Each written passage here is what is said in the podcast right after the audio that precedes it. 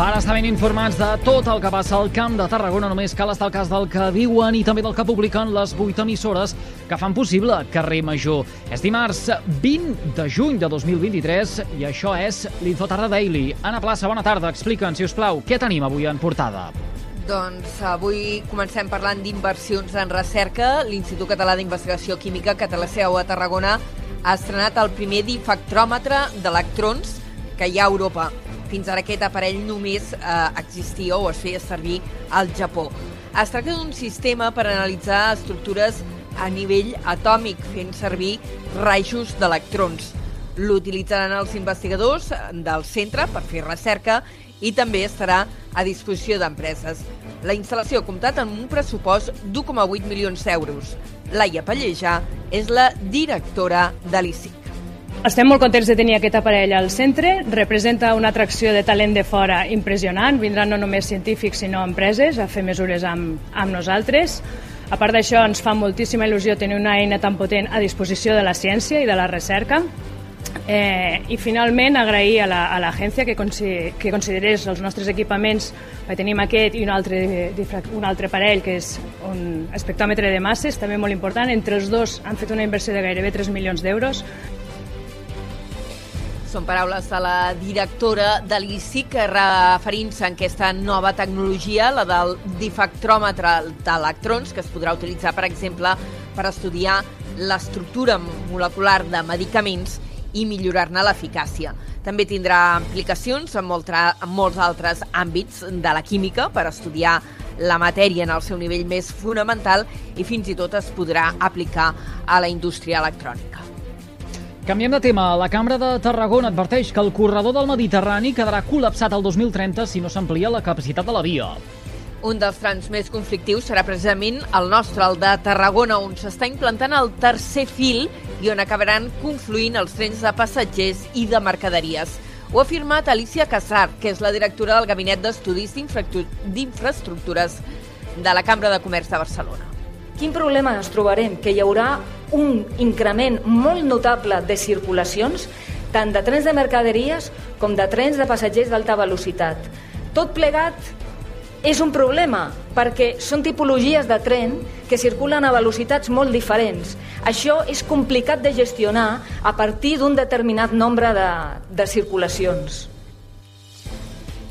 La, segons l'estudi que ha presentat aquest matí la Cambra de Barcelona, Catalunya necessita una inversió de 50.900 milions d'euros en els pròxims anys, concretament fins al 2040, per corregir el dèficit d'infraestructures.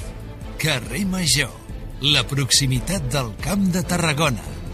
En política, Esquerra Republicana replica el nou govern del PSC a Tarragona que les inversions per corregir els problemes d'inundacions a la part baixa ja estaven previstes.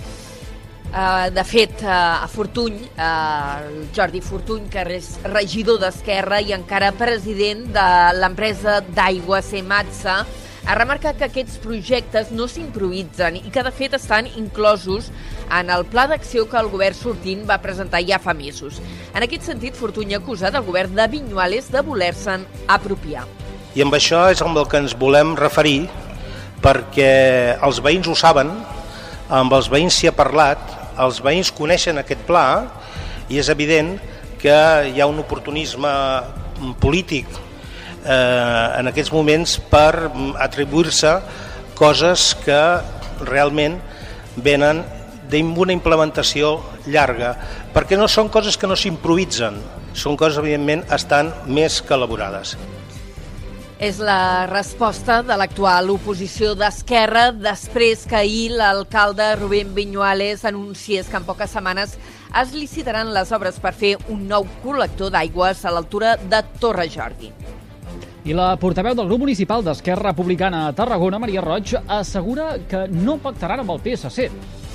Així ho ha deixat clar avui en una entrevista al programa Bon dia Tarragona de Ràdio Ciutat. Roig ha tancat la porta a qualsevol pacte post-eleccions generals per anunciar que faran una oposició constructiva i sense posar pals a les rodes. Canviem de tema. El Port de Tarragona avança en les connexions de la futura zona d'activitats logístiques. L'autoritat portuària ha anunciat que ja s'ha acabat eh, una de les fases del vial inferior sota la carretera C31B, és a dir, sota la carretera eh, que va de Tarragona a Salou, l'autovia. Eh, S'ha finalitzat concretament el que s'ha anomenat fase 0, que consisteix en la construcció d'un vial provisional d'un carril per sentit per poder desviar els vehicles i alliberar el trànsit d'aquesta carretera. L'objectiu final de tot plegat és facilitar la connexió des de la zona d'activitats logístiques fins a l'autovia A7, una obra que es farà en, diversos, en diverses fases, en quatre concretament, i que està previst que pugui estar acabada l'any 2024. Carrer Major és proximitat. I avui també els hem d'explicar, o hem de destacar, millor dit, un nom propi, el de la jove esportista reusenca Núria Gil Clapera, que serà la pregonera de Sant Pere 2023. Ho ha anunciat avui l'Ajuntament. Núria Gil va néixer a Reus l'any 91 i és atleta i corredora de muntanya, a més de fisioterapeuta i osteòpata. Destacar el seu llarg palmarès en curses de muntanya. I parlant d'esportistes que fan pregons, avui també, justament, l'atleta ballenca Marta Galimany serà qui pronunciarà el pregó d'obertura oficial de la Festa Major de Sant Joan a Valls. Carrer Major, fent camp de Tarragona. Dit tot això, coneguem quin temps ens espera de cara a les properes hores i connectem amb el Servei Meteorològic de la xarxa de comunicació local. Lluís Mi Pérez, hola, molt bona tarda. Continua aquesta situació molt xafogosa i, de fet, a hores d'ara amb molts núvols, però en la seva majoria no comporten pluja, simplement el cel està balat, el sol està una mica esmorteït i apagat, i sí que els núvols són una mica més densos les comarques de Lleida i especialment a les del Pirineu lleidatà. Allà s'hi està produint alguna pluja feble o fins i tot se sent algun tro, però no estem parlant de grans tempestes tampoc. Per tant, al llarg de la tarda, de forma intermitent, continuarà plovent poquet, tot sigui dit, a les comarques de Lleida i a la resta del país un sol una mica més apagat, fins i tot cap a la costa, cap a les comarques de Girona, al llarg d'aquesta tarda els núvols es trencaran força i el sol, una mica balat, és el que hi dominarà. Amb una temperatura elevada malgrat els núvols, estarem parlant de molts valors de 25 a 30 graus i el vent que encara bufarà amb més ganes arran de mar. En vista demà un temps al matí més tranquil i a la tarda tempestes que entraran per les comarques de Ponent i de l'Ebre. Ho seguirem a la xarxa. Ara sí, doncs, ho deixarem aquí a la plaça. Gràcies per aquesta pinzellada informativa amb el més destacat de la jornada al Camp de Tarragona. Que vagi bé. Fins després, Déu.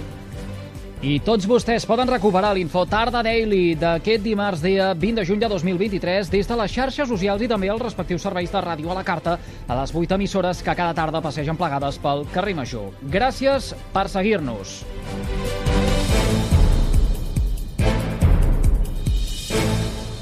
Carrer Major, a la teva ràdio de proximitat.